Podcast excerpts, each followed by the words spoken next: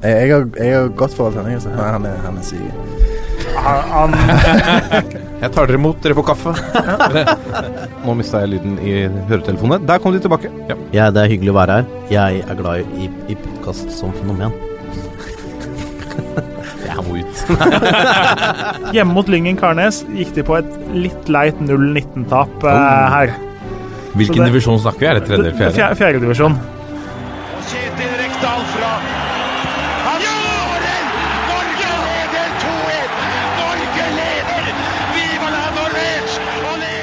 Og der er eh, toppfotball tilbake igjen. Nå begynner vi virkelig å se enden i Altså sier man enden? Se, se lyset i enden av tunnelen. Eh, vi begynner å se enden på denne fotballtørken, og vi skal få tilbake verdens aller, aller beste idrettsgren, nemlig den norske eliteserien. Eh, og det er eh, altså jeg, jeg, visste, jeg visste Man visste jo, det har gått mye rykter, og, og heldigvis så har NFF og de andre utsatt eh, politikerne for beinhardt press. Eh, overalt i, i pressen og på, på de innerste kamrene i, eh, i, som regjeringen nå benytter i eh, covid-19. Og det resulterte i det vi alle håpet at det blir altså seriespill igjen. Og selv om jeg på en måte visste det, så, så fikk jeg nesten litt sånn klump i halsen. Var nesten litt rørt da jeg skjønte at nå får vi fotballen tilbake. Jørgen Kjernås, har du noen gang vært eh, gladere over å høre Abid Rajas røst? Nei, sannsynligvis ikke. Det, det vil overraske meg hvis jeg har noen minner jeg har glemt der. Uh, og det er jo som Og det er jo som du sier, det, man hadde jo på en måte venta det, og det var jo litt sånn halvveis avslørt på forhånd, men likevel så er det jo veldig godt at vi får se litt ball igjen. Eh, det skulle jo ha vært for full gang nå med NM og eliteserie og bredde og alt mulig, men sånne ting er så må vi ta det vi får i første gang, og så krysse fingra for at eh, ting går såpass bra både i fotballen og i samfunnet for øvrig at eh, vi kan åpne opp for flere grupper og flere, flere ligaer i løpet av uh, seinsommeren. Fordi sånn som det er nå, så er det er mitt inntrykk, i hvert fall. Nå har jeg ikke oversikt over alle ligaene i Europa. Jeg bryr meg jo uh, mest om den norske. Ehm, så er vi blant de, eneste, eller blant de få nasjonene som har funnet en løsning. Eh, men det har jo litt sammenheng også med at vi har jo ikke en sesong vi trenger å avslutte. Vi skal bare begynne på en ny. Ja, det er jo litt blanda drops. Belgia og Nederland har jo avslutta sine sesonger. Satt en strek der hvor ting var nå kåra seriemestere, vel. Eh, Frankrike har jo utnevnt PSG til seriemester og sendt et par lag ned. Eh, noen starter jo opp. Tyskland starter jo til helga. Polen og Danmark blant annet er ikke så langt unna, for å nevne noen som er litt sånn halvnær, eller ganske nære oss, da. Så, og så har du jo da Spania, England, eh, Italia, som er litt uklart. Spania og Italia er vel kanskje nærmere en løsning, fordi i England så er det mye Så har klubbene litt mer å si, og naturlig nok at nedrykkstruede lag ikke er så keen på å starte som det lag uten veldig mye å spille for sportslig er, da. Men, men er vi nå i en situasjon hvor, eh, hvor eh, Hva skal vi si Um, Potensialet for økt oppslutning rundt den norske eliteserien er bedre enn det har vært kanskje de siste 20 årene? Ja, nå snakkes det jo om at Premier League håper å starte den helga før vi kommer i gang. da. Vi har jo en litt sånn Altså For fotballmessig er det jo litt merkelig at 16.6, som er en tirsdag, er startdato. Eh, det er jo ikke noe tvil om at for eliteseriens interesse så er det veldig fint hvis ikke Premier League kommer i gang tre dager før det.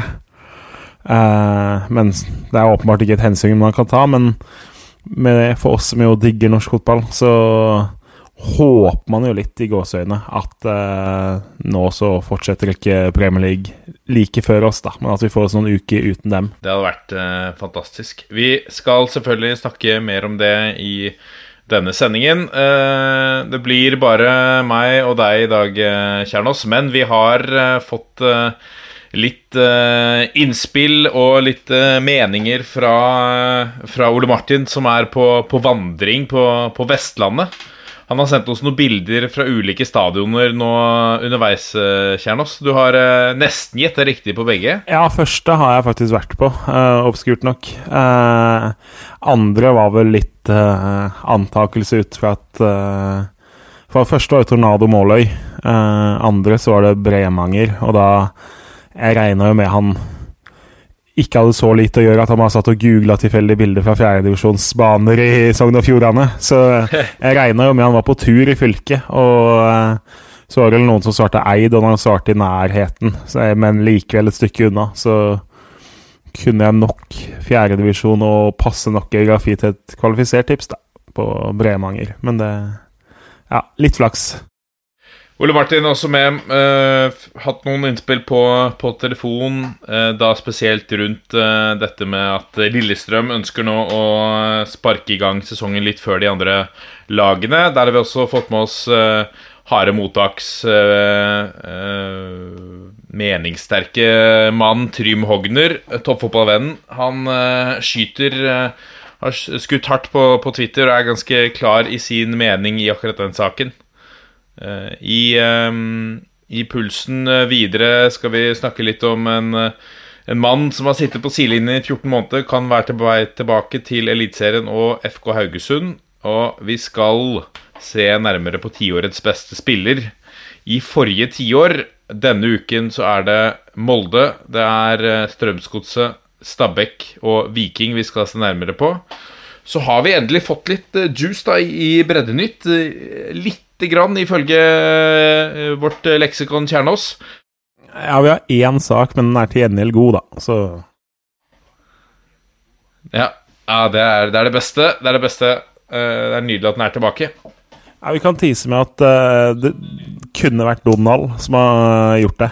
Det kunne vært Donald som har gjort det, rett og slett. Det kunne vært Andeby. Og så har vi en rekke lyttespørsmål mot slutten.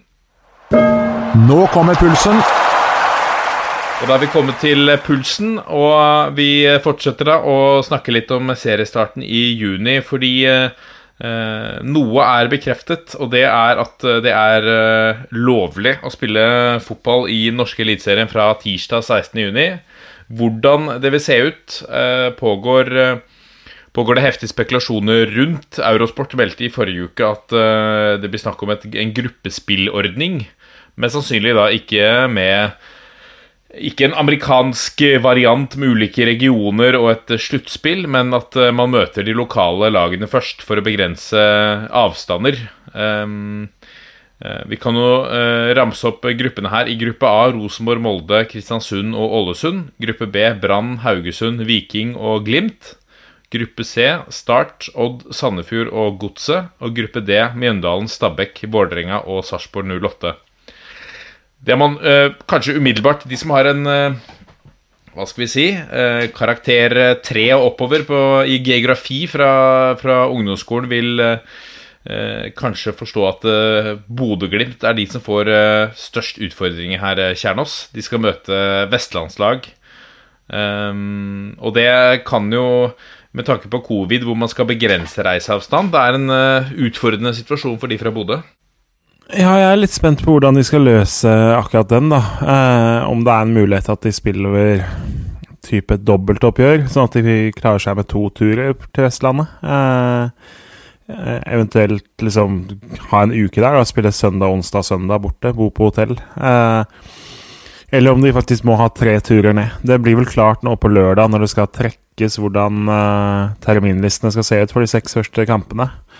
Men eh, så jeg er litt overraska. Altså, det hadde jo vært en bedre løsning eh, ut fra det jeg kan forstå, da. At eh, Glimt hadde vært sendt til noen av lagene rundt Gardermoen, og så kunne da justert litt på gruppene der, sendt Start til Viking og Haugesund og Brann isteden. Det er tross alt ikke så usedvanlig at Start må da kjøre til Stavanger og Haugesund. Det eh, pleier jeg å gjøre sjæl på sommeren. Det er mer enn oppnåelig, det. Og så da får du én lang bortekamp i Bergen, hvor du enten må da ta et Widerøe-fly eller beregne overnatting, da. Det, det burde være gjennomførbart isteden. Men eh, det er jo sånn, selv om jeg er en av de som pleier å henge meg litt opp i sånne ting, da, så det viktigste nå er jo at, uh, at vi får i gang. Og noe av det kjipe er jo at litt av kruttet brennes opp, hvis det går an å si det sånn. Eh, at f.eks. den Molde, Kristiansund, Ålesund, Rosenborg-gruppa har jo masse lokaloppgjør og oppgjør mellom de to lagene som kan ta gullet. Eh,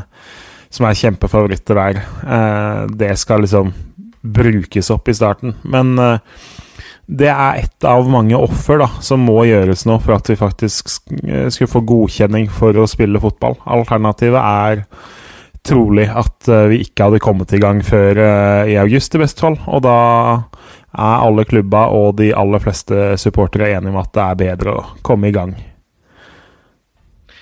Hvordan vil du si eh, Altså, det å starte, det er jo aldri er jo aldri en fasit på det. Men, men noen lag her kan få en langt tøffere seriestart enn en andre, f.eks. Altså nyopprykkede Ålesund måler krefter mot eh, de to av gullfavorittene pluss laget som alltid hever seg i, i ligaen.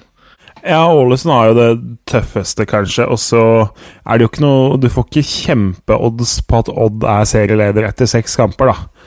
Som jo da møter nyopprykka Start, nyopprykka Sandefjord og Godset, som kjempa med ryggen mot veggen i samtlige 30 runder sist sesong. Uh, så så kan man jo diskutere ikke sant? Du skal jo forhåpentligvis da møte alle lagene to ganger. Og Uh, det trenger ikke være noe fordel når situasjonen er sånn som den er nå, å skulle møte antatte bunnlag. Kanskje tvert imot. Fordi liksom treningsgrunnlaget kanskje det ikke skiller så mye der. Uh, overgangsvinduet er fortsatt et stort spørsmålstegn hvordan ting blir. Så under normale omstendigheter så hadde Odd vært favoritt til å lede etter seks eh, serierunder. Kanskje de er det fortsatt, men eh, det er så mange faktorer som vi liksom ikke helt kjenner til eller helt klarer å beregne nå. Eller ingen kan spå, nesten. Så, så det blir interessant å se. Men eh, jeg tror altså alle supportere tenker jo nå først og fremst på å få se laget sitt, hvem de møter. Sånn som ting er nå, du ikke får gå på stadion eller dra på bortekamp. Det er litt underordna, nesten. Uh, om du møter Haugesund eller Ålesund eller Kristiansund eller Start eller Godset. Det er på en måte viktigste er å få se fotballaget ditt spille 90 minutter med kamp, da, og faktisk spille om poeng. Det, det var jo ikke alle som hadde trodd vi skulle få muligheten til det allerede i juni. Så så, så altså Og for de som jo ikke har noen lag på dette nivået, så eh, håper man jo bare at kampa kan bli spredd, da. Jeg er veldig spent på nå, nå på lørdag når Eurosport kommer med denne trekninga, hvordan terminlista er. Er det fortsatt liksom fire-fem kamper søndag klokka seks, eller er det spredd utover, sånn at du kan ha søndagen fra tolv til ti og sitte og se fem forskjellige kamper? Ja. Det, det, har jo, det har jo egentlig ikke kommet noe der. Altså, eh, de skal jo på en måte tjene penger på å ha abonnenter og alt mulig, de òg, så alt går jo ikke gratis. Men eh, noen av oss sitter jo og krysser litt fingra for at det er åtte ulike kamptidspunkter per runde, da. Det må jo være lov å si. Og det hadde vært vakkert, og det er jo en eh, Fotballen sitter jo igjen med en prosentandel av, eh, av eh, det inntektene som, som genereres fra, fra Eurosport vel, i, i TV-avtalen. Så, så det er vel i fotballens interesse å spre dette mest mulig. Ja da, altså med tanke på liksom å få eksponert eh, sponsor og alt mulig, så er det jo flotte anledninger. Det, jeg er spent på kreativiteten hos ulike klubber. Klart når du tomme tribuner, men eh, det er jo mulighet for å fylle, opp det med reklamebannere, vil jeg anta, uten at jeg har nilest NFFs reglement på akkurat de punktene. Eh, så klart, når vi ikke kan ha tilskuere, så vil jeg jo tro en av hovedsponsorene er villig til å betale OK da, for å få på en måte sin logo på hovedtribuna under Rosenborg-Molde. Eh, kommer til å være ganske mange hundre tusen som sitter og ser på det, så hvis du da får liksom logoen til din, eh, ditt firma i bakgrunnen i nesten to timer, så er det Det er jo verdi i det. Det blir spennende. Siste ordet er ikke sagt, og vi følger det. Her kan det skje ting helt fram til vi sparker i gang eh, første spark. Um, vi går videre da til uh, ett uh, hakk ned i ligasystemet, Obos-ligaen, hvor uh, Lillestrøm har som eneste klubb i Obos-ligaen ikke permittert en eneste ansatt. Uh, verken spillere eller administrasjon. Eh, de har avviklet litt eh, ferie, men de har også trent eh, gjennom hele koronaperioden og i hensyntatt eh, eh, smitteverntiltak. Nå, eh, når det åpnes nå for, eh, for fullkontakttrening for profesjonelle klubber, så ønsker jo Lillestrøm å, å benytte seg av dette til reaksjoner fra bl.a. Grorud, eh, mindre klubber som har da spillere som jobber på dagtid, med mindre mulighet for, for å isolere seg på samme måte. Eh, Kjernås, eh, breddefotballens mann. Nå er ikke dette breddeklubber, men du har jo en hva skal vi si, en voktende hånd over de litt mindre klubbene. Hva, hva tenker du om dette? Jeg er litt delt. Jeg skjønner jo Lillestrøm, da, som eh, eh, Ikke nødvendigvis først og fremst fordi de ikke er permittert, fordi det er jo et valg de har tatt litt sånn uh, Det har de jo tatt på egen hånd, selv om det, man har visst at kampene har vært veldig langt unna. Og det For all del så beundrer jeg på en måte det at de har stått på det og tatt det valget, men uh, eh, det, det, betyr jo på en måte ikke nødvendigvis at du skal få tilbake heller, da. Eh, sånn Ok, vi har ikke permittert, da må vi få lov til å eh, trene. Og det er jo ikke der argumentasjonen egentlig ligger. Men jeg skjønner jo at klubba som har mulighet til å følge samme opplegg som i Eliteserien, har lyst til det. Uh, og nå ser det vel heller litt ut som, sånn jeg skjønner, at altså, Obos er ganske nær en oppstart, uh, de òg. Uh, det var jo egentlig varsla at man skulle da komme i gang eh, en gang i juni. Nå snakkes det om at man kanskje er i gang da 25. mai isteden. Uh, da tror jeg det er en løsning også Lillestrøm kan kunne leve med, selv om uh, Jeg er jo helt enig i at altså, fotball så er det forskjellige ressurser. Lillestrøm har andre muligheter enn Grorud og Stjørdalsblink og Strømmen og Åsane.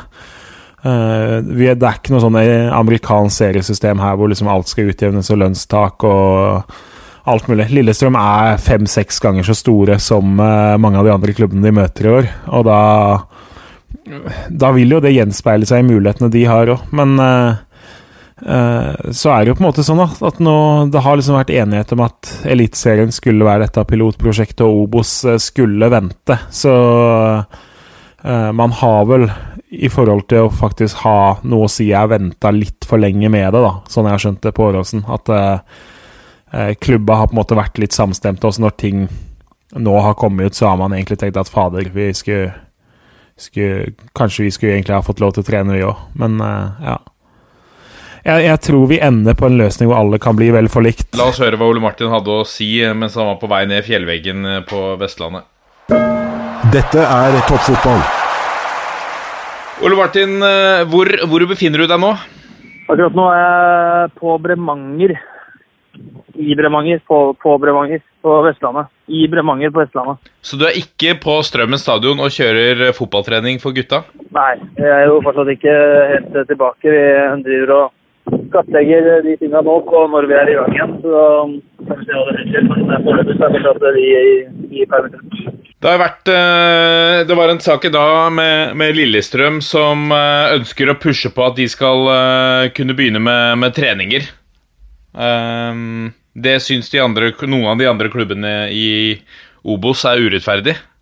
Hva, hva tenker dere om det? At rivalen prøver å pushe i gang og, og få seg et, hva skal vi si, en fordel her?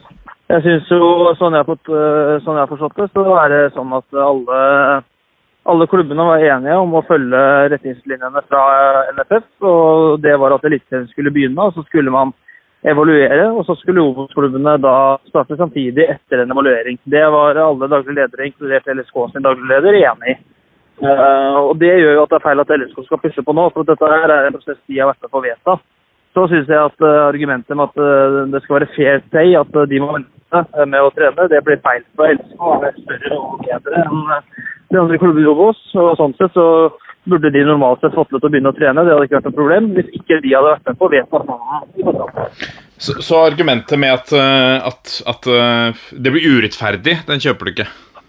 Nei, Vi driver med konkurranseidrett. I konkurranseidrett så må det være fordel å være best.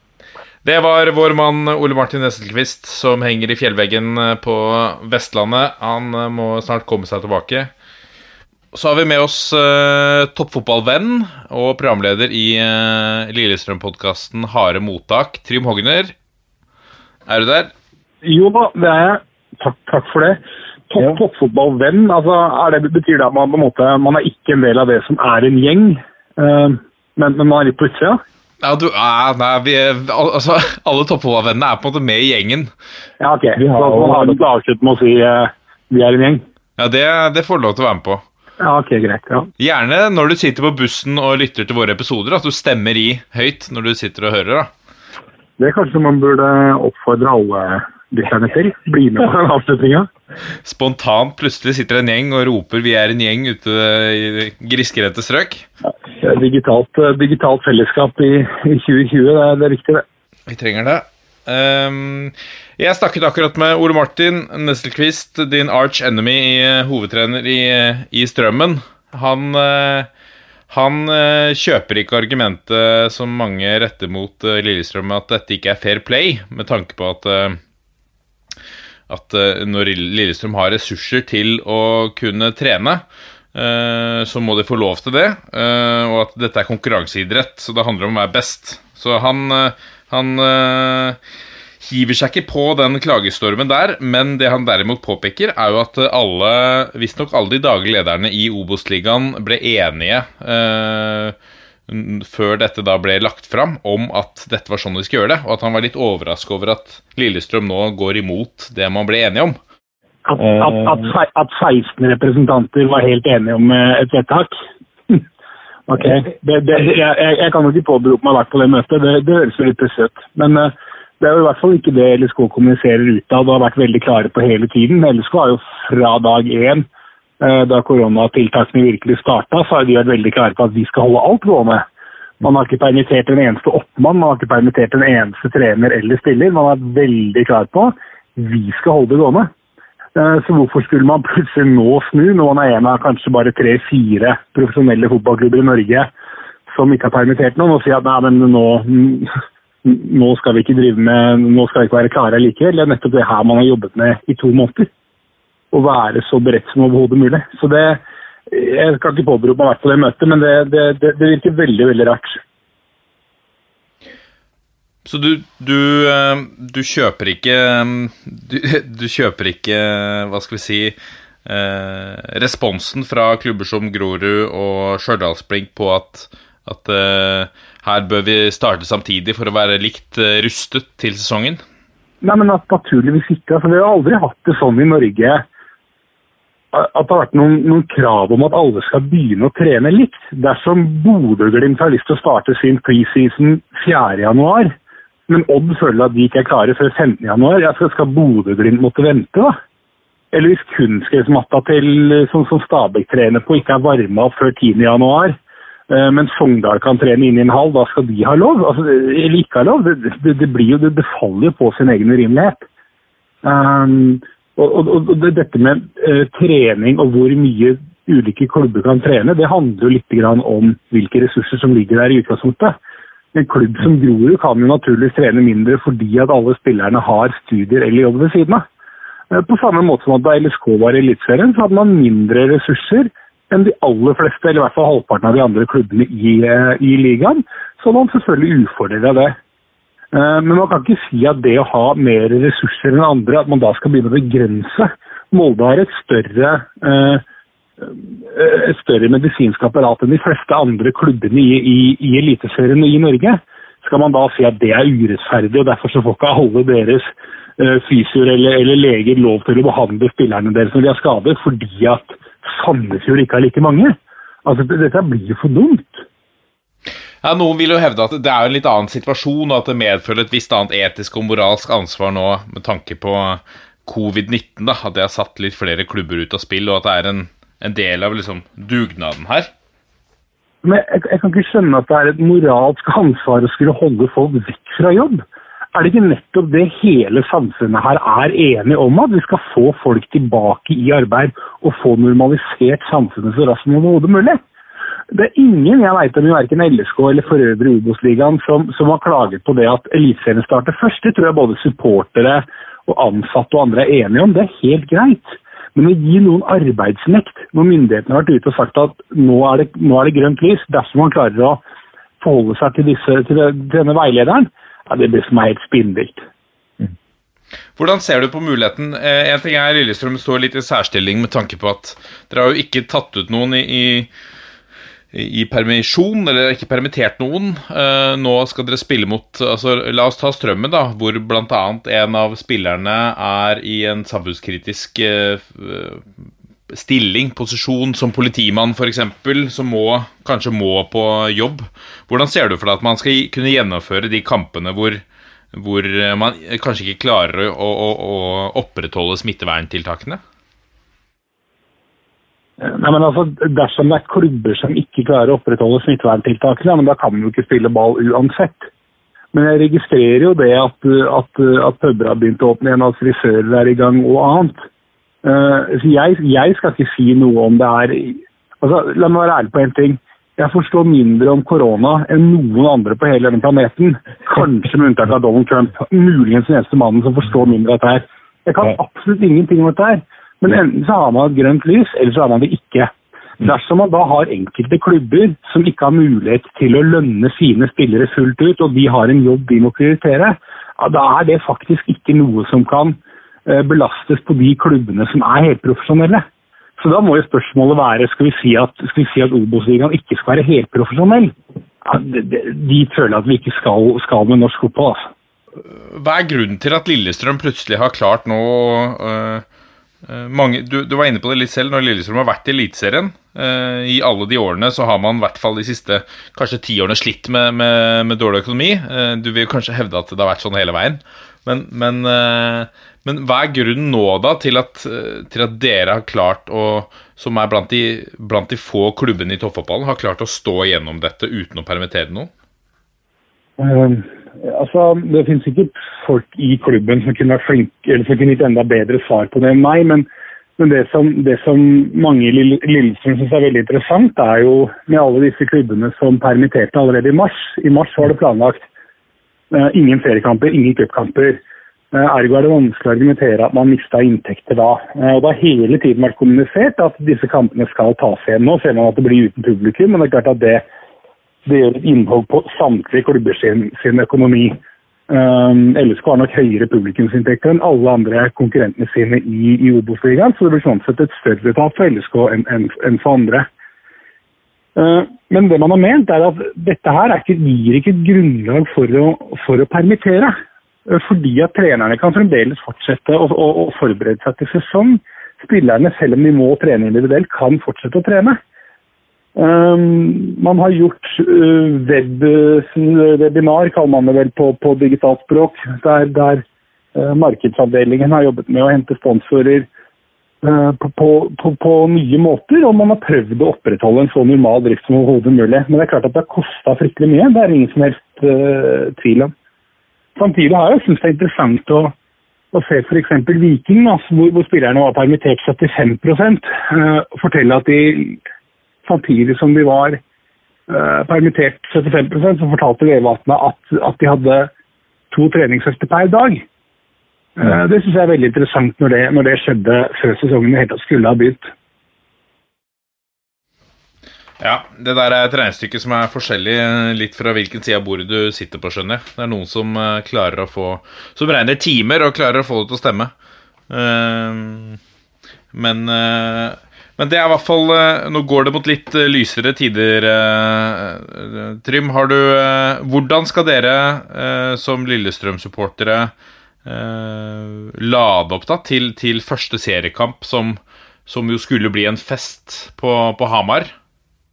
Ja, det får vi se hva får vi se både hva, hva spilleplanen blir, hvilke, hvilke motstandere man skal møte når. Det er det blir vel klart eh, For Eliteserien så blir det klart 16. mai, mens, mens for så tipper jeg man kanskje må vente litt lengre. Eh, men det er klart at man har jo glipp av det som skulle være en, en sånn åpningsfest på, på Briskeby Arena, som du sier, med, med 2000 Lillestrøm-supportere på, på tur til Hamar. Men så, så nå, nå, får man bare se litt. Jeg tror at mange av klubbene, ikke bare Lillestrøm, men, men andre klubber i, i Obos, og kanskje spesielt Eliteserien, kommer til å slite med økonomiske virkninger etter lenge. Så, så eh, det, det, gjelder nå for, for, klubbene og sponsorene og supporterne å finne balanse på hvordan man kan fortsette å ha eh, OK med inntekt, uten at klubbene lener seg altfor mye på å prøve å selge sånn digitale pølser og digitale vafler hele tida, for det kommer supportere til å gå lei av.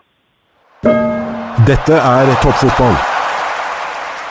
Så til neste punkt på, uh, i pulsen. Uh, fordi eh, FK Haugesund har en uh, storskårer eh, som rakk fire mål på ti kamper før han ble utestengt i 14 måneder. eh, etter å ha testet positivt på morfin, etter det som ble hevdet å være en medisin mot diaré. Nå sitter han i Senegal, men nå er Ibrahima Waji på vei tilbake til FK Haugesund, og nå Eh, ikke takket være, det blir feil å si, men, men pga. korona så kan han være klar altså første halvdel av årets eliteserie. Og det må kunne sies å være en solid forsterkning, eh, Jørgen? Ja, nei, men eh, det er jo vanskelig å si. Og han trenger nok lengre tid enn de andre på å komme i gang, siden han ikke har fått lov til å trene med klubben på så lenge. Men eh, det er klart, han får jo nå, hvis ting går som normalt, med seg flere kamper av 2020-sesongen enn det man hadde regna med. Eh, så det er jo en bonus for Haugesund hvis han kan spille da 20-22 kamper istedenfor å være med i uh, 14-15 kamper.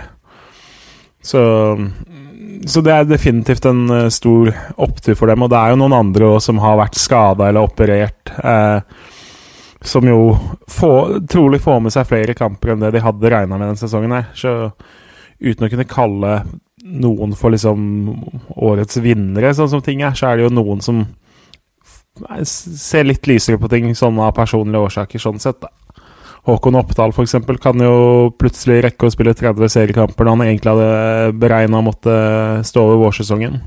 Ja, og i, i Trondheim så har vi jo en, eh, en hjemvendt uh, trønder som uh, i Per Silan Skjelbreid som får med seg plutselig kan få med seg hele, omtrent hele sesongen for, uh, for Rosenborg. Ja, der er det vel litt uklart hvordan det blir, med tanke på at Bundesliga jo eh, De er vel planlagt å avslutte i midten av juni, så det skal vel gå fint for han hvis ting går sånn som det skal. Jeg tror de har siste kamp da uka etter at Eliteserien skal starte, eller helga etter, da. Og så har du en sak fra Øygarden, eh, Jørgen. Det er jo I går, så vi er, spiller inn på tirsdag. Mandag kom nyheten om at uh, sportslig leder uh, Arva Haukeland trakk seg fra eh, Fra si, den nyoppretta klubben. Eh, det er jo et samarbeid der ute som er litt vanskelig å få tak på, hvor det jo Tanken jo egentlig var at Nest Sotra og eh, Sotra sportsklubb skulle samarbeide, og så har det på en måte ikke blitt det samarbeidet det skulle være, da. Eh, så altså, for oss utenforstående så er det vanskelig å se at Øygarden er så mye mer enn gamle Nest Sotra med et nytt navn, egentlig. Og noen småklubber som er litt med på lasset. Men uh, Steffen Landro, som jo uh, trylla frem gode resultater, forsvant til Sandnes. Og så når da sportssjef Arve Haukeland uh, trekker seg nå, så det er jo en mann som har jobba fulltid som lærer, og som da på en måte sitter i storefri omtrent og signerer uh, ukjente stjerner til Obos-ligaklubber. Uh, og som ofrer liksom Bruker vanvittig mye tid, selv om han på papiret har en vanvittig liten stilling, da. Uh, sånn jeg skjønte. Og da en mann som roses opp i skyene, men som da har følt at nå, etter at Øygarden ble stiftelsen, så sitter han ikke med sportslig makt lenger. Han har et styre eller et sportslig utvalg over seg som eh, på en måte skal gi tommel opp eller tommel ned til hans eh, avgjørelser, da. Og da gidder han på en måte ikke å bruke all den tida på det. Det er vel det som er litt sånn mer eller mindre sagt, da. Og eh, at han følte at han hadde ikke noe beslutningsmakt lenger i den nye klubben. Eh, så det blir veldig spennende å se da hvordan Øygarden blir. Det er jo en klubb som knapt har tilskuere. Eh, som egentlig bokser over sin vektklasse, eh, og har gjort det i veldig mange år pga. noen drivende dyktige sportslige personer i, i klubben. Eh, og når da de to viktigste brikkene der forsvinner samme vinter, så, så gir det jo ikke Det er vel ingen som blir kjempeoverraska hvis Øygarden ikke er et prosjekt da som klarer å holde seg sportslig flytende på det nivået de er nå. De henter en trener fra andredivisjon som uh, for første gang skal være hovedtrener på dette nivået, etter at han egentlig var tiltenkt å være assistent, men uh, ingen Ingen passende kandidater ville være hovedtrener i Øygarden, og så mister de da de to, og uh, igjen bytte hele stallen. Så Øygarden har, eller Nest-Sotra har overraska positivt lenge. Jeg tror kanskje vi kan være på slutten av et fint eh, kapittel der ganske snart. Spår rett og slett undergangen til eh, Ja, rett og slett. Altså, undergang er jo brutalt å si, men, eh, men klart, altså De har prestert enormt mye bedre enn det økonomi og historie og potensial skulle tilsi, da. Og det er jo på grunn av enkeltpersoner. Og når da de forsvinner, så har det jo vistes med lignende klubber før at da kan det gå veldig fort nedover eh, hvis ballen begynner å rulle feil vei. Dette er toppfotball.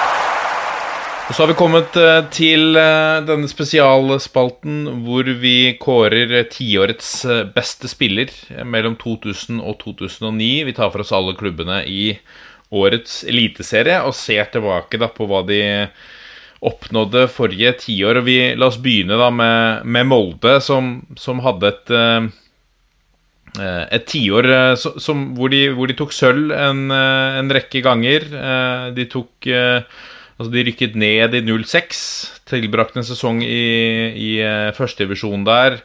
Uh, og tok noe sølv. Um, I tillegg til noen uh, Hadde de et, et norgesmesterskap der ja, i 2005.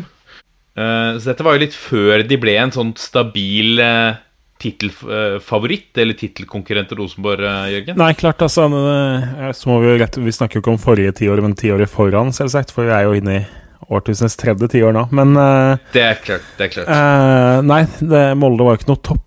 Altså, det er ikke det laget du kjenner igjen fra 2010 og seinere.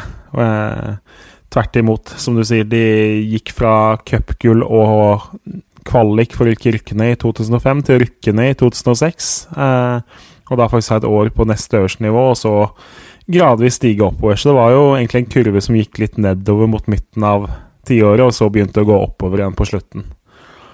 Eh, men likevel, det er jo en klubb eh, Altså, for å kaste ut det mest åpenbare kortet, og mannen jeg tipper kommer til å vinne her, det er jo Daniel Berg Hestad, som jo er en klubblegende, hvis det noen gang har vært noen, holdt på å si, i klubben. Altså, eh, det er jo den du må trekke fram. Og i tillegg til å ha vært god, så var han jo i klubben hele årtusenet, med unntak av en liten tur innom Nederland eh, i 2003 og 2004 der. Så eh, vi trenger vel nesten ikke bruke mer tid enn å slå fast at på en måte lederen og sjefen og den ene alle forbinder med Molde FK, eh, han må selvsagt med i en sånn kåring.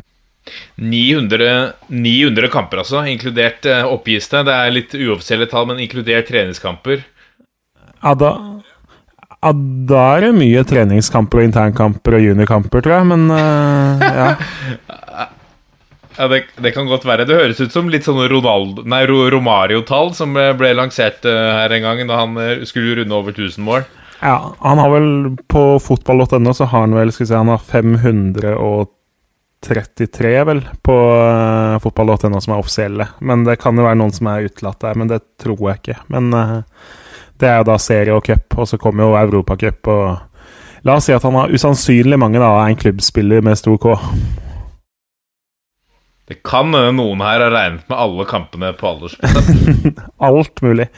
Eh, men, en som, men en som jo er i nesten samme kategori, er jo Magne Hoseth. Eh, så selv om han eh, også hadde en tur innom Kjøben og en tur innom Oslo og plukka med seg litt seriegull og sånn, så er det jo tross alt Molde man husker Magne Hoseth fra. Og han hadde jo da kom jo opp og var helt strålende for dem i eh, de første årene, altså etter årtusenskiftet. Og så eh, kom han da tilbake i 2006. eh, var med på å rykke ned, men eh, var med på å spille dem opp igjen også. Og eh, like selvsagt som at Magne Hoseth er Nei, som at Daniel Berg Hestad er med, så er jo egentlig Magne Hoseth med. Han og I starten så var han jo en god målskårer. altså Fra 2000 til 2003 så skåret han eh, altså 48 mål for dem. Så eh, Ja, han spilte litt spiss også. ja, han, var, han var mye rundt om offensivt. altså Både bak spiss og litt ut til venstre. og eh, Han havna jo litt lenger og dypere bak på banen eh, mot slutten av karrieren. Ofte som en av to dype der på midten, litt og sånn. Men eh, i starten så var han jo en offensiv spiller som skapte ting på egen hånd. Og for en stjerne. Altså diamantøredobber, hvit dress. eh, Det var mye greier rundt Magne Hoseth. Ja, det har jo alt Han er jo på en måte en profil. Eh, hvis, vi har jo snakka litt og toucha innom støtt og stadig at eh, Eliteserien mangler jo av og til litt profiler. Når du tenker liksom tilbake til den tida med liksom Magne Hoseth og Raymond Kvisvik og alle de som, som jo var gode, men som var så mye mer, da. Som var de som holdt på å si, Olga på Toten også kjente igjen, fordi de var også i de delene av pressen som kanskje de eh, leste om også. Eh, ikke at det var noe måte, rød løp, men altså Det var jo profiler og personligheter som skapte engasjement rundt norsk fotball. Eh, det er definitivt Magne Hoseth. Han var jo en spillermann som sannsynligvis fikk mer pepper på bortebane eh, enn de fleste. Ofte liksom uten grunn, nesten. Altså, eller ikke uten grunn, da, for han var jo irriterende god og litt sånn altså Uh, men han var jo ikke, det var ikke noe vondt i fyren. Liksom. Han var jo ikke en sånn spiller du hata fordi at han var ekkel og ufin og stygg og, i spillestilen, liksom. Han, ja, han var heller litt, som du sier, litt nesten på motsatt ende av skalaen uh, der. Med, og irriterende god, da. Hvem andre har du, har du på listen? Vi må, vi må jo innom uh, altså Dioff, Mambiram Dioff. 29 mål vel på 62 kamper. Uh, Skøyt et opprykk fra førstevisjonen i 07, den viktige sesongen der. Kom jo dit. Og, og var på som, som, Hva var det? Folkehøyskoleelev. Uh, registrert som det. Og tilfeldigvis så var han uh, Så var han en vanvittig god fotballspiller. Uh, jeg no, fikk litt assosiasjoner til Erling Braut Haaland ti år senere. altså um, i, 2000 I 2009 så skåra han hat trick på ni minutter mot Brann før han satte inn sitt fjerde et kvarter seinere. Fire mål mot Brann på, på, en halvtimes tid, vel. Det var en stor spiller. Ja, jeg endte også opp med han som en av mine fire. Og så mener jeg jo at Maktar Tion må med.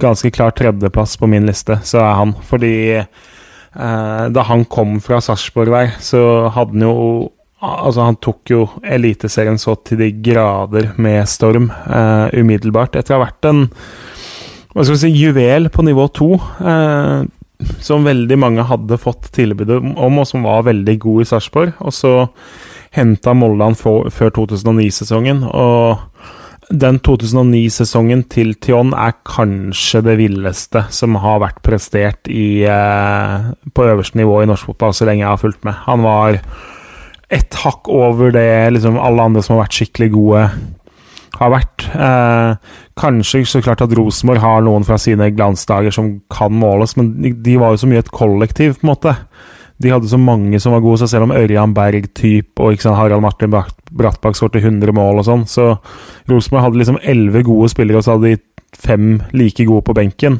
Eh, Molde 2009, det var Tion som på en måte styrte alt og showa dirigerte. Og eh, ja, aldri har vel noen vunnet liksom årets spiller såpass overlegen som han gjorde. Så for meg så må han med, men det betyr jo at man vraker jo da på en måte f.eks. en klubbspiller som Trond Strande, da. Så, som jo er et ikon. Og, han hadde jo større del av karrieren sin på 90-tallet. Ja, men uh, så klart Han ikke sant, han avslutta jo der, og han treffer litt dårlig da med at vi tar hele tiår, men skrudde jo inn det der ikoniske frisparket borte mot Ålesund på Kråmyra, blant annet langt på overtid. Sånn, det var vel 2003 øyeblikk man husker ennå, da. Eh, satt på do da de vant cupgull i 2005, for øvrig. Eh, det er ikke dårlig til å være lagsveteran. Han blei vel bytta ut med en skade på slutten av kampen. LSK utligna, og Strande var såpass nervøs at han tilbrakte ekstraomgangene på toalettsetet på Ullevål. Så men ble, ble, overtalt av mange nok til at det faktisk var 4-2 like før slutt, så at han kom ut og fikk være med å juble da dommeren blåste av. da. Og så har man jo altså Petter Rudi kom jo tilbake og var jo for så vidt god i noen sesonger. Vega Foran kom inn som en komet mot slutten der. Eddie Gustavsson var jo i norsk målestokk en fantastisk keeper, men uh, jeg føler jo at altså Pappa Teddy Juff. Ja, altså det er mange som kunne vært nevnt. 112 kamper og 40 mål. Ikke sant. Altså Knut Anders Fostervold har vært med lenge, men det, jeg mener jo at Hestad, Hoseth, Tion og Mame Dioff Da står vi igjen med de fire som har skilt seg ut med mest X-faktor og kvalitet. Eh, og det er ikke, sånn, Selv om Strande for eksempel, er god, så går han jo ikke forbi Daniel Berg Hestad på den der klubbveteran har vært med hele tiåret-skalaen uansett. Eh, mens Dioff og Tion har vært såpass rå eh, over få sesonger at de kommer på den kvota, da, på en måte. Vi går videre til uh, en, en, oppgave som jeg syns var litt vanskeligere, fordi uh, dette var uh, for så vidt et litt tøft tiår tidvis for Molde. For Strømsgodset så var det et virkelig tøft tiår, fordi i, de rykket opp til Eliteserien i år 2000. I året etter så ble det nedrykk, og da tilbrakte de tre-fire sesonger på, på på nest øverste nivå, før eh, de fikk inn en eh, investorgruppe i, eh, i Drammen som reddet klubben fra millionunderskudd og konkurs i 2006. Og de hentet 17 nye spillere da Geir Fagermo ble trener. Jostein Flo ble sportssjef. Leo og Mathias Andersson kom inn døra, blant andre. Herja selvfølgelig i førstedivisjon. Rykka opp. og, og deretter, da, hvor eh, eh, Ronny Deila tok over som trener i 08. og så skal vi jo ikke Vi skal helt ut til 09 før sånn som Markus Pedersen melder seg på. det var et altså et heisa tiår for, for godset. Mye opp og ned, Jørgen. Ja, og det er klart, altså det er 2004 og 2005, da var det en klubb som sto litt på randen av stupet, egentlig. I 2004 så kjempa de jo med ryggen mot veggen og holdt på å rykke ned, sånn som nesten hele førstedivisjon gjorde til siste slutt. Eh, økonomisk, så hvis man ser på det de drev og henta på den tida, så henta de jo spisser fra tredjedivisjon. Liksom, altså lokale spillere som egentlig ikke hadde utmerka seg to-tre hakk ned i divisjonene, nesten. da. Uh, henta noen utlendinger som jo i seinere tid har blitt kulthelter pga. manglende kvaliteter på banen, eh, og desto større ferdigheter på de andre tingene som Uh, som det annet hevdes at engelske fotballspillere har drevet mye med på treningsleirer og slikt. Det var vel, var, var vel noen som skårte mer på, på si, lørdag natt til søndag enn det de gjorde på søndag ettermiddag på Marienlyst. Uh, så mye ymse, og definitivt det laget som er vanskeligst å skulle plukke ut liksom tiårets spillere fra av de sju vi har sett på så langt, syns jeg. Uh, ja. Og det, altså, jeg har endt opp med noen, da, men her er jeg Jeg, jeg føler f.eks. da typ Glenn Andersen kom inn. Uh, var med da på oppturen og var med på opprykket og var en stabil og viktig brikke da gjennom siste halvdel av tiåret. Han er jo ikke noe spiller som står med gullskrift i norsk fotballhistorie. Men uh, en holdt på å si, ærlig, hardtarbeidende kar som, som, var viktig for godset i den perioden, da, uh, og som tross alt leverte ganske høyt stabilt nivå for dem uh, over en del år. En, og tilførte de litt, litt, punch og litt konkurranseinstinkt, og ble jo kaptein der etter hvert. Og spilte jo tross alt fra, altså fra 06 da, til ut, ut dette tiåret vi snakker om, forlot i, i 2012. Ja, eh, så han, han, endte opp med på en topp fire-liste hos meg, da. Eh, en annen som må trekkes fram, er Lars Granås, som er en veldig sånn unsung hero. Eh, et navn som sikkert har gått i mye glemmebøker rundt om i norske fotballhuer, men eh, som også var viktig for godset da gjennom den tøffe tida i førstedivisjon, og som var med og fikk dem opp igjen. Eh, en supporterhelt fordi han eh, ikke noe sånn X-faktor-spillet på noen som helst måte, men en ærlig, hardtarbeidende fyr som du visste at ga alt. Og eh, på et lag hvor det var mye ymse og folk som kanskje ikke helt hadde 100% motivasjon, så hadde du en som ga 110 hver eneste søndag. Og det, det gjør at han har på en måte en stor plass i mange supporterhjerter, som kanskje overgår det han hadde av faktiske ferdigheter på fotballbanen. da. En mann som Thomas Sørum også. En uh, 130 kamper, 30 mål, fire sesonger. Ja, han har jo også vært Han er jo en av de som har vært med lenge. Han er jo litt sånn underlig case, for han skårte jo bøtter av mål på utlån i Manglerudstad. Eh, kom tilbake, skårte ikke så mye godset, og så med en gang han dro til Haugesund, så skårte han jo syke mengder med mål. Så Han er litt sånn Jeg syns han er en vanskelig case der, fordi han var jo aldri helt på topp i godset, tross alt, men hadde et par OK sesonger. Hvem andre har du på eh, Alexander Aas? Er det vært en André Bergdølmo var en eh, figur da han eh, ble henta?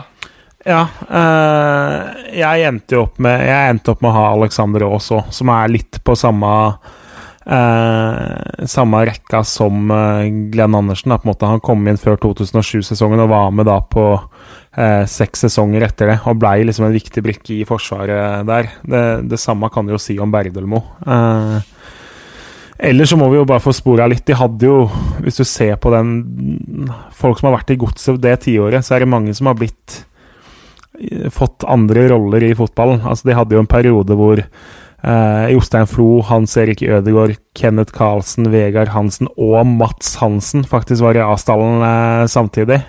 Eh, folk som Steinar Pedersen og Inge André Olsen har vært innom. Ronny Deila var jo spiller før han ble trener. Leo har jo gått videre til å bli trenere på øverste nivå. Bergdølmo har jo eh, prøvd seg på neste øverste nivå, så det var en periode hvor nesten Spilte du forsvar for godset det tiåret, så eh, var du nesten garantert å få en karriere i fotballen ti år senere. Det, er sant. Men har, da har vi Glenn Andersen, Lars Granås, eh, Alexander Aas og sistemann.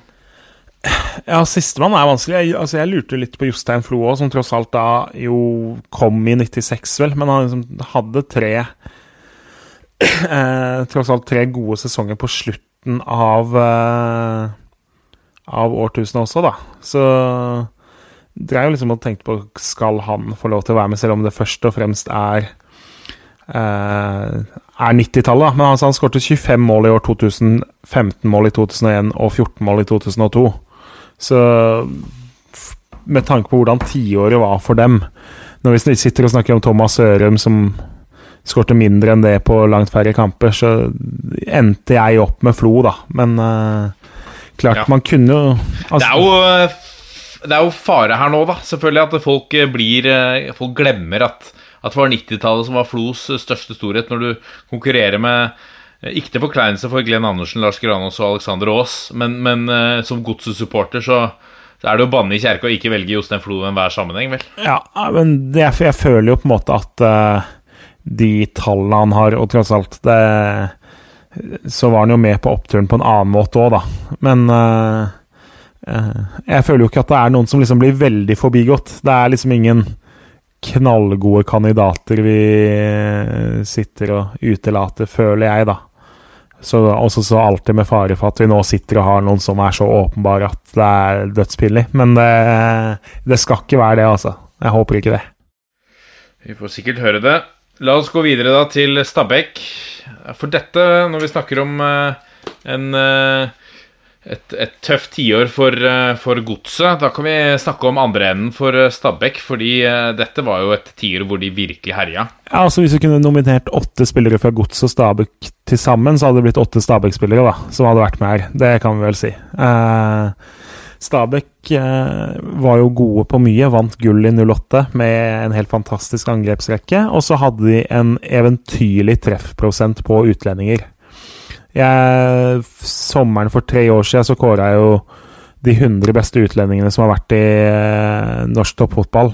Eh, og da hadde vel Stabæk topp tre og ytterligere liksom, Altså av topp 15 så var jo halvparten egentlig Stabæk-spillere. Mer eller mindre. Eh, vi kan vel uten å trekke ut altså, det, Du skal argumentere godt for å ikke ha Alan Sinjo, Daniel Landskog og Vegard, Pall Gunnarsson blant eh, kandidatene her, da. Eh, det er jo tross alt de tre profilene man husker fra gullet og fra sesongene før og noen sesonger seinere. Så tre spillere Det var vel de tre jeg hadde på topp tre også på den kåringa mi. Og rekkefølgen kan man jo diskutere lenge. Men uh, fjerdemann, der har man jo veldig mange caser egentlig å diskutere, syns jeg, da. Der er min eh, Altså, de tre er eh, i min bok også udisk, udiskutable. På den fjerdeplassen så er det litt interessant, men, men det er jo fort gjort at man tenker da på sånne kåringer, så tenker man eh, eh, angrepsrekke, midtbanespillere, Men eh, vi har jo en mann som, som spilte der hele tiåret og var en viktig brikke eh, over lang tid. Jon Knutsen. Landslagskeeper. Eh, 300, 300 kamper, 75 clean sheets. Ja, det, det, er litt irriterende at det var han du kom med, for han eh, endte jeg også opp med som min fjerdemann. Og da eh, Jeg tror, selv om det er mye gode kandidater som har vært strålende i noen sesonger, så tror jeg ingen kan ta Alansinho, Nanskog og Gunnarsson på liksom høyest nivå, og liksom den faktoren. Men Knutsen var, som du sier, kom fra aldri å ha vært førstekeeper til å egentlig bli landslagskeeper på Nadderud og være, stå fast for dem i tolv år. og gå fra å liksom være et ubeskrevet blad til landslagskeeper, da. Eh, så jeg syns han skal med, men det er klart, da Vi utelater jo Altså, Tobias Lindroth var helt strålende, blei solgt for masse penger og redda jo egentlig klubben med det salget til Everton. Uh, Chippen Wilhelmsson, som jo har spilt sinnssvake mengder med landskamp etterpå, som jo var et av de beste kjøpene noensinne i norsk fotball. Uh, så har du Zoomen Choi, som jo er en av de aller, aller beste midtbanespillerne norsk fotball har sett noensinne. Du har eh, folk som liksom, altså Christian Kelle var en strålende back, men havner liksom ikke helt her. Du har Mike Kjøle og Inga André Olsen, Jesper Jansson, altså klubbspillere som var strålende. Eh, Martin Andresen, Henning Hauger. Ja, Trygve Gudmundsson, som var viktig i starten av årtusen og skårte masse. Du har Pontus Farnerud, som jo kom inn sommeren 2008, som jo Ok, de mista, da mista de vel Zoomen Choi og Antony Annan eh, i gullkampen, og så svarer de da med å hente Pontus Farnerud, som har liksom spilt årevis i fransk fotball og landskamper, ikke sant, og vært eh, som, Og som jo var kjempegod i norsk fotball òg, men eh, jeg føler jo ingen av liksom Choi og Farnerud og Linderoth og de, de når ikke opp mot Veigard og Nanskog og Alansinho likevel.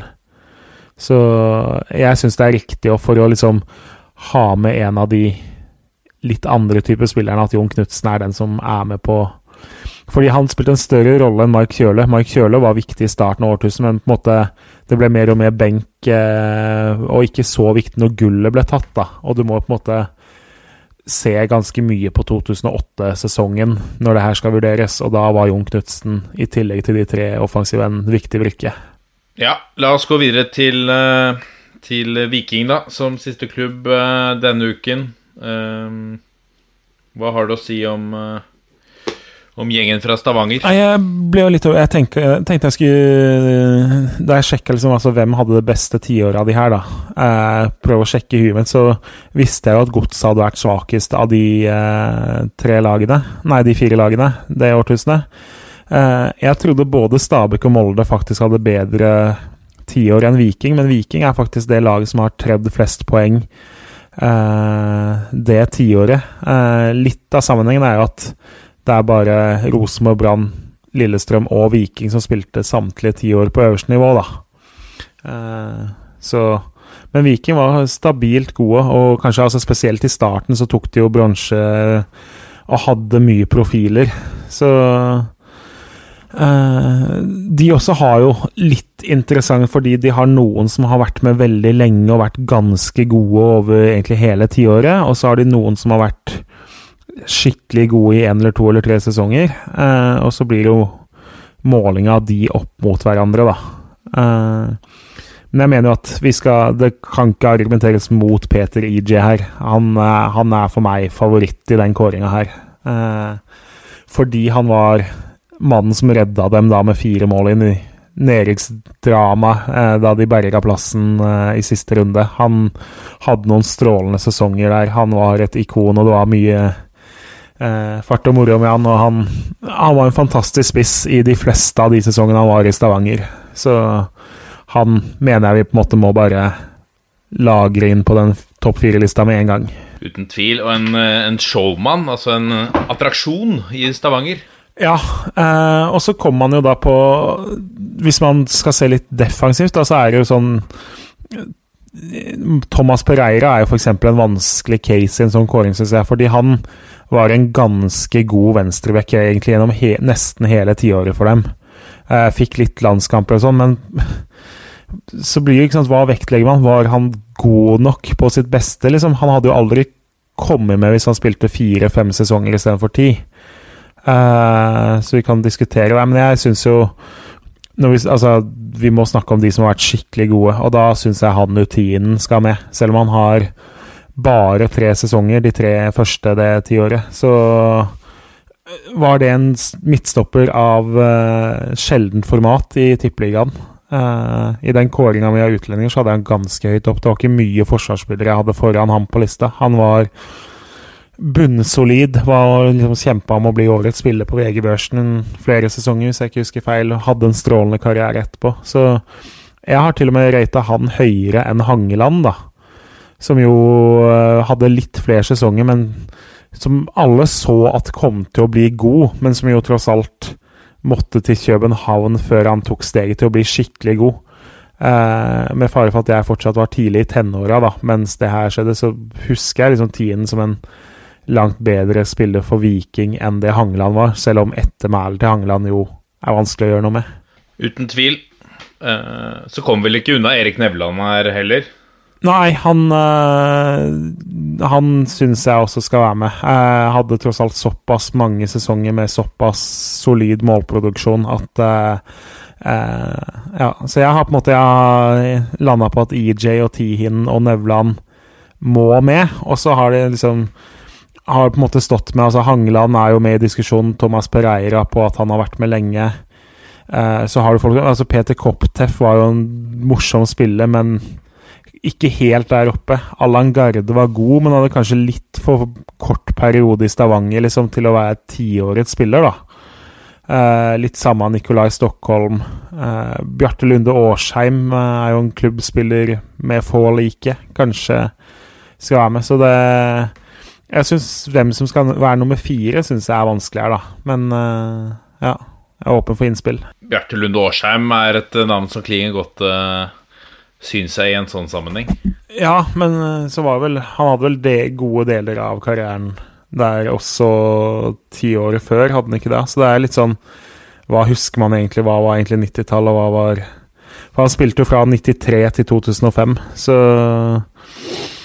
Jeg er litt i tvil Jeg Altså, ja Om altså Hangeland fortjener det, eller om Pereira skal være med, eller Åsheim eller Fuglestad. Det Eh, Jeg syns jo ingen av dem skal vinne uansett. Jeg syns jo Nevland er den beste lokale eh, her. Men eh, jeg skal ikke sette meg på bakbeina på fjerdemann. Da går vi for Lunde Årsheim. Der har vi en fin eh, rekke med EJ Tihen, Nevland og Lunde Årsheim.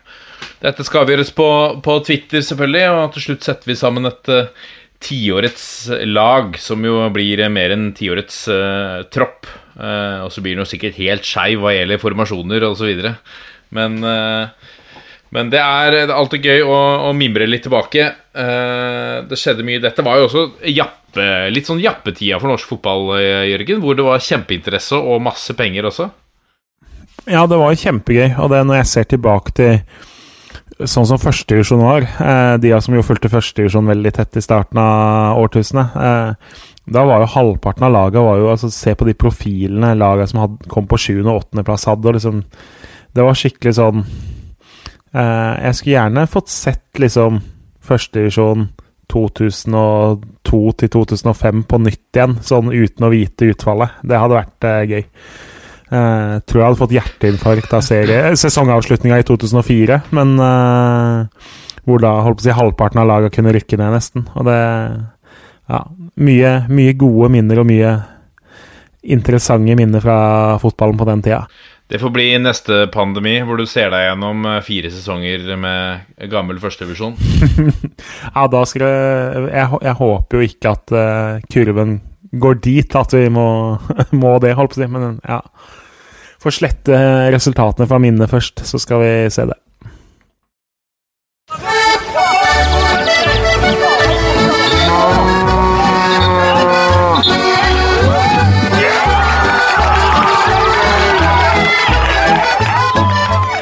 Og da er det klart for eh, Breddenytt ved spaltens president Jørgen Kjernås. Ja, den er ekstremt kort. Det er én sak. Uh, Blei usikker på om vi har snakka om han før, nesten, eller om det er i andre sammenhenger. Men det eh, Brynespissen, som jo er på vei til Molde nå, eh, Albert Braut Kjåland.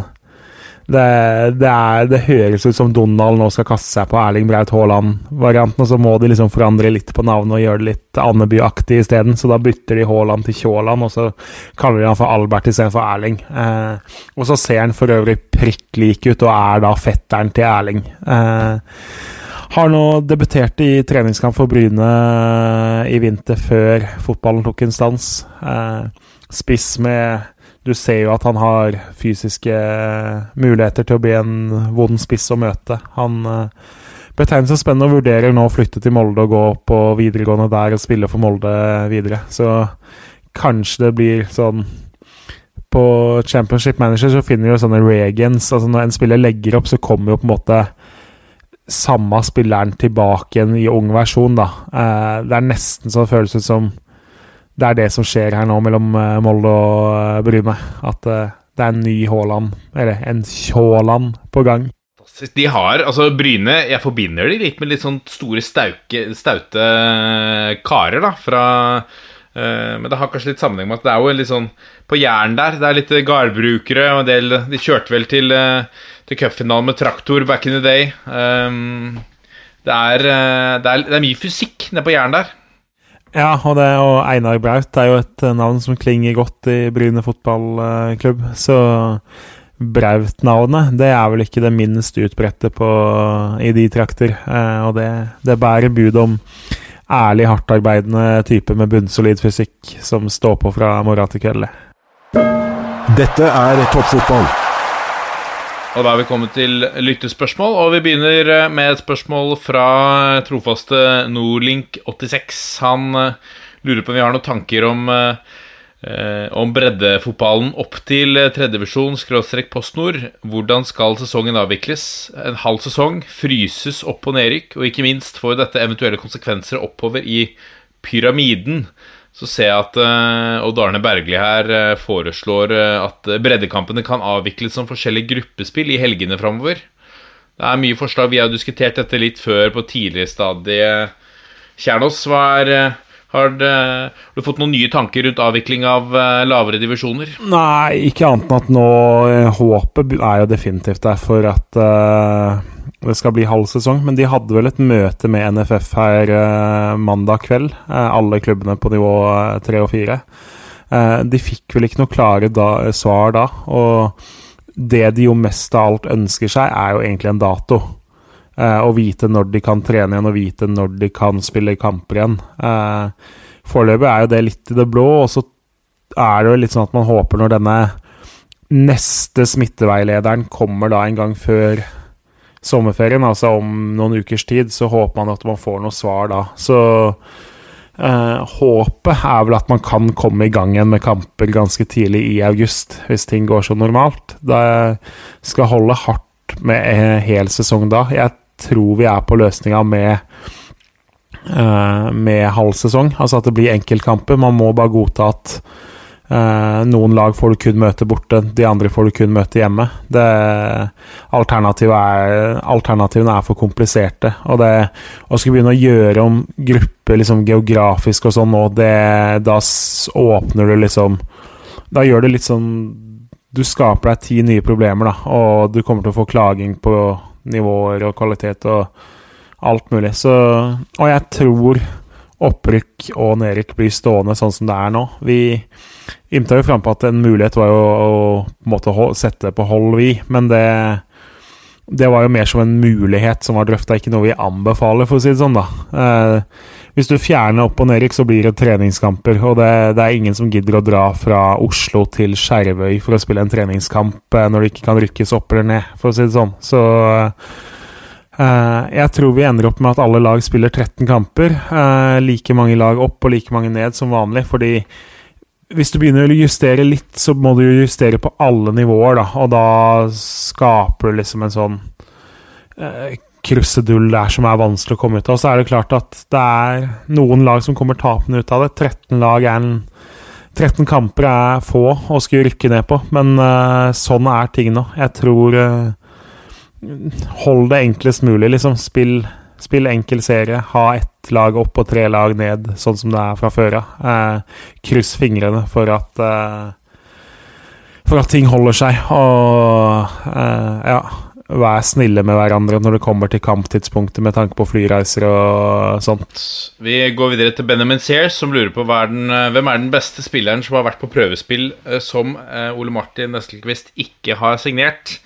Ole, vi sendte spørsmål videre til Ole Martin. Han har notert seg det. Han lover et svar i eh, neste episode.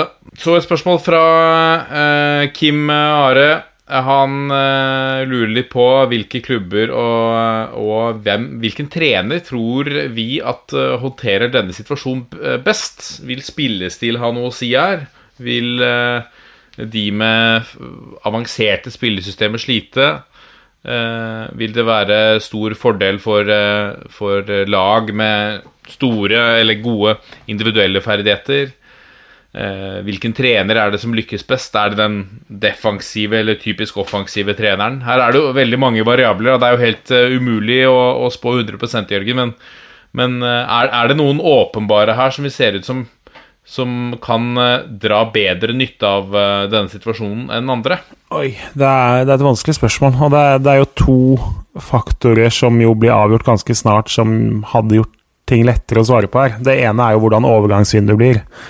Eh, det er jo åpna for at det skal bli to uker nå, og så to uker igjen seinere på sommeren. Men når de to ukene er, vil jo ha mye å si, fordi det skal jo klaffe for både Eliteserien og Obos-liga. Så det kan faktisk hende at de to ukene blir etter seriestart, da, potensielt. Og da er det jo en del lag som har halvferdige tropper nå, som hadde planlagt å hente spillere mot slutten av vinduet, som vil komme dårlig ut. Eh, og det andre er jo, altså hvis Vi må jo regne med at treningskamper forhåpentligvis blir lov, sånn at alle lagene får spilt i hvert fall to treningskamper eller noe, da, eh, før alvoret.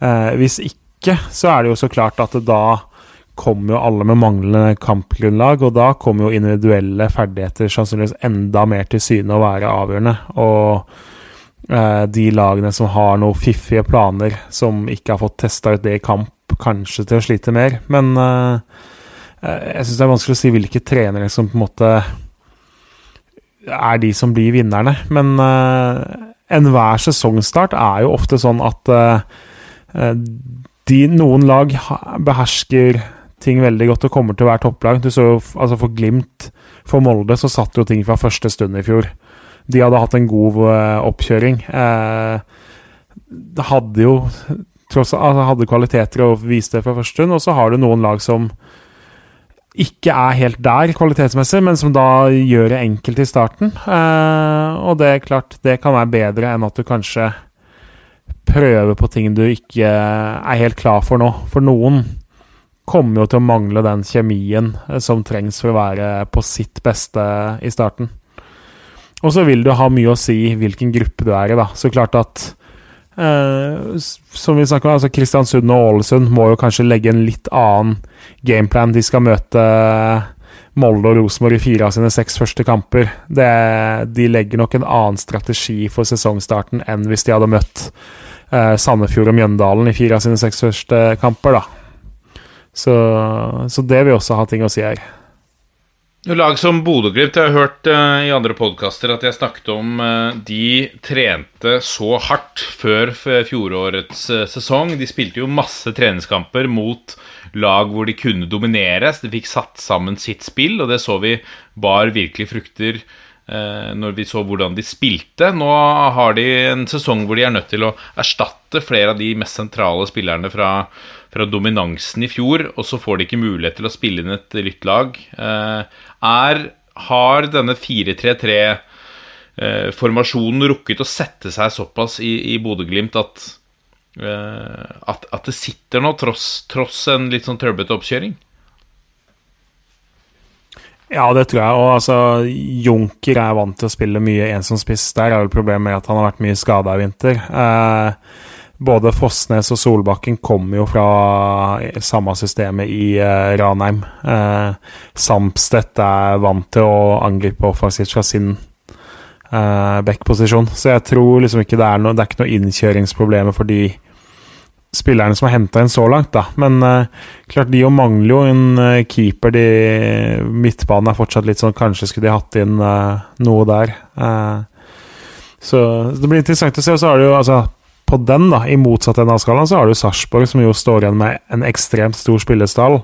Hadde håpa å låne ut eh, spillere sannsynligvis til Obos-ligaen, to-tre mann. Eh, kanskje det er potensielt vanskelig nå, fordi Obos skal starte noen uker seinere. Eh, Og da kan Og så har du sånn som Sandefjord, da, som har de råd til å hente inn nå, eller har, må de legge om litt planene på Kanskje må de flytte litt rundt på spillere eh, som de har allerede i stallen. Det, det, er, det, er, en veldig interessant situasjon, og jeg gleder meg til vi får litt svar med tanke på terminliste, treningskamper, overgangsvindu. Da går det an å begynne å prøve å predikere enda litt mer rundt lagene, føler jeg, da. Absolutt.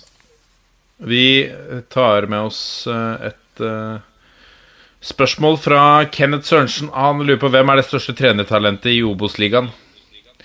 Det er vel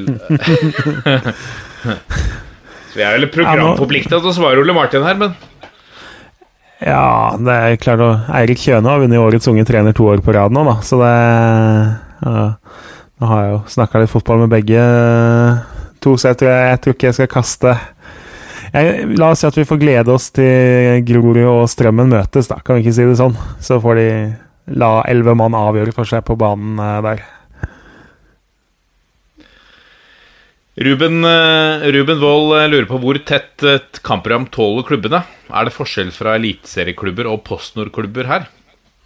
Ja, det er det jo definitivt. Eh, klart at klubber som Molde, og Rosenborg og Sarpsborg eh, som har store staller. Molde og Rosenborg skulle jo egentlig spilt eh, midtuke hele sommeren med Europa og cup og serie. Eh, de er mye bedre rusta, de, enn nesten alle klubbene, både på egentlig nivå to og nivå tre og så nedover. Så jeg tror det er ganske utelukka pga. reising og sånn, liksom, på nivå eh, og fire, å spille mye midtuker. Men eh, kommer du til Obos-ligaen, så vil du jo se Da vil jo på en måte de store klubba ha et veldig forsprang der. Eh, de nyopprykka har mindre å rullere på enn det Lillestrøm f.eks. har, da. Vi sier det er greit, da. Vi har fått inn litt uh, flere spørsmål, men uh, en del av det har vi jo allerede touchet innom. Blant annet, jeg ser Kjell Tore Engvik her kommenterer at han, hans Eh, han eh, tror at årsaken til at Glimt blir plassert på Vestlandet, er at også Viking skal spille Europacup. Med tanke på eh, Med tanke på da europeiske kampdatoer osv. Ja, jeg så den, men da Nå er det mulig jeg er treig, men altså alle de gruppene skal det jo uansett spilles eh, seks kamper i, da, på en måte. Så Viking og Glimt får vel ikke spilt noen flere kamper enn resten uansett, da. Sånn som ting blir. Uh, for det liksom Når det har gått en måneds tid, så skal alle klubbene ha spilt seks kamper uansett. Så Men det kan jo hende det er en tanke bak det, og det uh, eneste Altså, forskjellen for dem er jo at de må innom Gardermoen og så ta et nytt fly. De må ta to fly istedenfor ett fly, uh, stort sett. Det, så ja. men det blir spennende å se, og det Eh, jeg gleder meg til vi har noe konkret på terminlista på lørdag, sånn at det går an å begynne å glede seg enda mer. Ikke bare 'nå skal du spille fotballkamp', men du vet at ok, første kamp er denne, andre kamp så er det dette og sånn. Det blir nydelig. Men eh, det var, ja, så, så jeg, det var jo en som spurte, jeg så ikke hvem det var, som spurte om eh, fantasy, og det er klart, der Vi må jo touche litt innom etter hvert der, men det er ganske Det er altfor tidlig å si, og det da vil også terminlista spille mye inn. Eh, skal det spilles hver tredje hver fjerde dag, så eh, må du kanskje velge litt annet enn eh, hvis det skal spilles bare hver søndag, da. For det, det er klart. Men det, det, er nok mange som gleder seg til det også, og det, noen av oss hadde mye gode planer der, så eh, Jeg har jo blant annet Jeg har jo før gruppene ble kjent, da, så følte jeg meg kjempesmart da jeg hadde tre Molde-spillere og Ola Brynildsen på laget, f.eks., sånn at jeg hadde potensielt fire Molde-spillere. Uh, det var jo en suksessoppskrift da noen av oss leda etter noen runder i fjor, at uh, kjøpe Ohi før han ble registrert som Molde-spiller i spillet, og dermed ha fire mann fra dem. Så det ser ikke ut som det er Det er ikke like stor fordel nå, men det var lov å håpe en liten stund der. Det blir spennende. Mannen som uh, sannsynligvis er å finne på uh, i, i toppen i år også, Jørgen Kjernås. Uh, takk til eh, Trym Hogner, som var med oss på telefon. Hør på Harde mottak. Det, der kommer det også et lengre intervju med Simon Mesfin i løpet av den uken. Det bør være interessant.